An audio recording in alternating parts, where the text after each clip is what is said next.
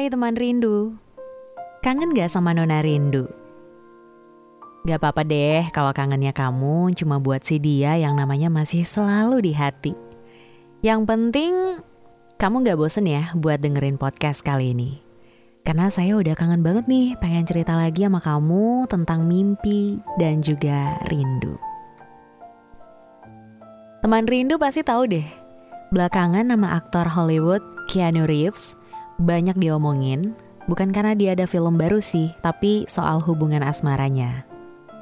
Jadi kan udah sekitar 20 tahunan nih, dan untuk pertama kalinya, kemarin Reeves itu secara resmi memperkenalkan kekasih hatinya yang baru di hadapan publik. Padahal selama ini kan kisah cintanya tuh udah kayak sesuatu yang uh, apa ya jarang banget buat diomongin gitu dan gak ada bahan juga. Ada sih tapi kayaknya belum ada yang pas-pas gitu buat dikonfirmasi sama Reeves sendiri. Setelah dia kehilangan putri satu-satunya di tahun 1999 kemudian disusul kepergian ibu dari anaknya tersebut alias kekasihnya Jennifer dua tahun berikutnya. His life is like full of tragedies mulai dari dia ditinggal ayahnya di usia 3 tahun, kemudian masa sekolahnya juga bisa dibilang gak mulus karena dia juga mengidap yang namanya disleksia. Lalu masa remajanya yang ketika dia udah punya kekasih ya seperti saya ceritakan tadi gitu ya. Sejak itu Reeves gak pernah lagi terlihat dan mengkonfirmasi lagi deket sama siapa, berpacaran dengan siapa gitu. Tapi sekarang jadi speechless loh saya. Sekalian juga ikut terharu sih. Lihat dia akhirnya menggandeng sahabatnya sendiri, Alexandra Grant, sebagai kekasih baru. Sweet banget teman rindu. Di usianya yang ke-55 tahun saat ini, pengakuannya Reeves seperti membuktikan gitu kalau usia pun gak bisa ya untuk menghalangi kita menemukan cinta. Bahwa kita nggak perlu untuk terlalu terburu-buru untuk mengejar cinta karena semuanya pasti akan indah pada waktunya, ya nggak teman rindu? Tentang cinta yang akan indah pada waktunya, usia mungkin jadi musuhnya kamu ya saat ini. Saat semakin banyak gitu yang nanya, kapan nikah? Kapan nyusul? Ya emang membingungkan sih. Ada yang bilang usia itu cuma sekedar angka aja. Tapi banyak juga yang percaya bahwa usia uh, bisa jadi patokan gitu. Kita seharusnya kayak gini, kita seharusnya kayak gitu, menikah di usia ini, menikah dengan ini. Padahal khususnya untuk urusan menikah tuh bukan sesuatu yang seharusnya diukur dari usia. Setuju dong? Hubungan yang kita jalani di masa lalu misalnya, Mungkin sempat gagal dan sakitnya ampun-ampunan, kayak yang dirasakan uh, Reeves gitu. Tapi bagusnya Reeves ini tuh struggle banget. Dia apa ya, manly banget gitu, menghadapi semua ujian hidupnya tuh dengan tegar, dengan ya apa ya, uh, tragedi tapi nggak ada drama di dalamnya gitu. Dia menyikapinya dengan biasa aja kalau saya bilang sih. Gak kayak perempuan yang kalau udah galau, wah dramanya full banget.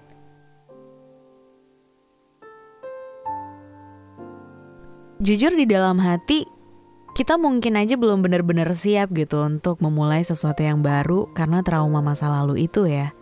Ada banyak alasannya yang bisa melandasi hubungan kita uh, bisa terjalin atau tidak dengan seseorang. Ada yang memang bisa gampang banget buka hati, pacaran sebentar, terus lancar gitu sampai ke pernikahan. Ada juga yang masih dibayangi masa lalu, kegagalannya, dan mungkin ini yang sedang kamu alami sekarang teman rindu.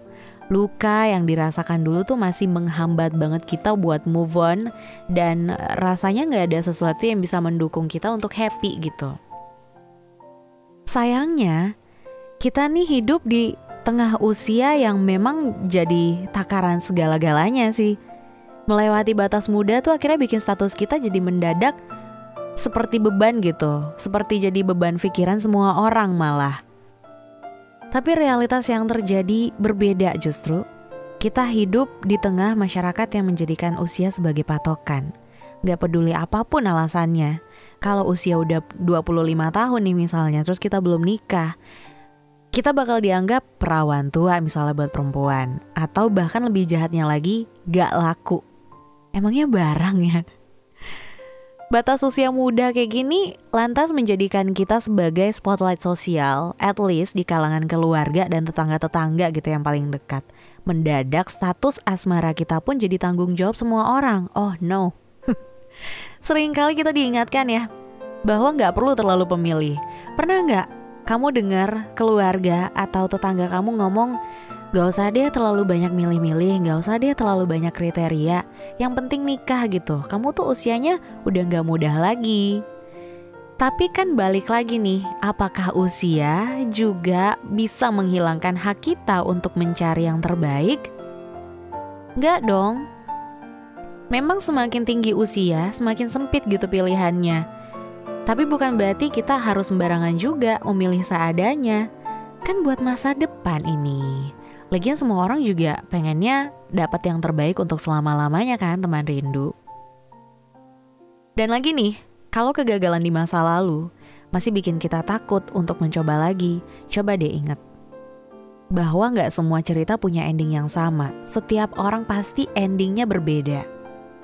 Dan lagi kalau kegagalan di masa lalu bikin kita uh, nggak uh, bisa move on gitu ya, sakit masa lalu itu masih seger banget, terasa kita nggak mau berdiri lagi karena nggak sanggup.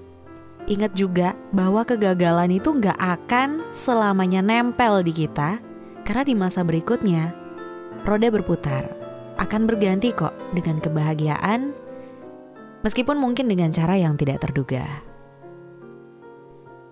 Dan tentang usia, teman rindu gak usah lagi deh jadi penghalang untuk menemukan cinta.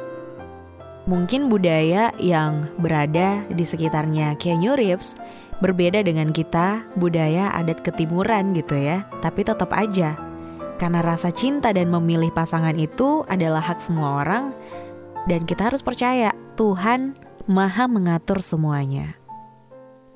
Bukannya akan lebih baik ya kalau kita mencari yang tepat dibanding memilih sembarangan seperti sedang dikejar setoran? Terima kasih udah dengerin Nona Rindu Podcast untuk edisi kali ini. Semoga rindu yang kamu rasakan selalu berujung pada sesuatu yang menyenangkan dan indah ya, teman rindu. Sampai jumpa lagi di episode berikutnya. See you. Baby, baby,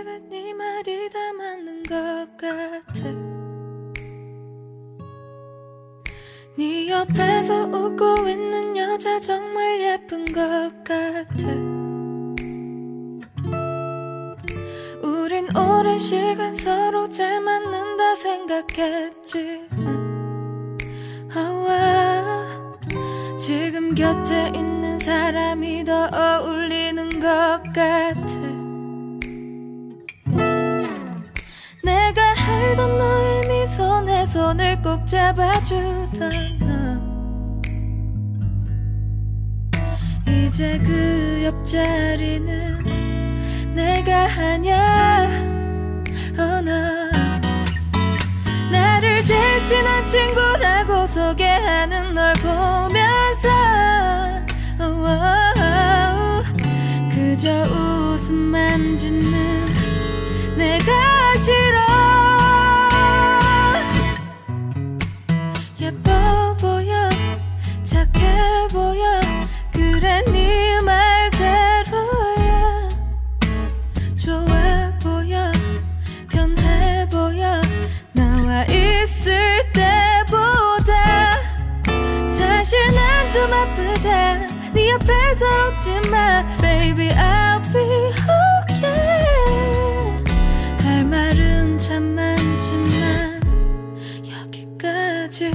Baby baby 네 말이 다 맞는 것 같아. 지금 곁에 있는 사람 널 채울 수 없을 것 같아. 너가 없는 하루 괜찮을 거라고 생각했지만 널 닮은 사람 찾는 걸 보면 널 못 잊는 것 같아. 나도 내가 왜 이러는지 잘 모르겠어 이 자리에. 너를 왜 불렀을까? 바보처럼 널 이제 친한 친구라고 부를 수밖에 없는 내가. 여전히 너를 찾는 내가 싫어 예뻐 보여 착해 보여. 그래 넌 그대로야. 좋아 보여 변해 보여 내가 있을 때보다 사실 난 좀 아프다. 네 앞에서 웃지만 baby I'll be okay. 할 말은 참 많지만. 넌 괜찮니? 안 보이니? 바로 네 앞에 내가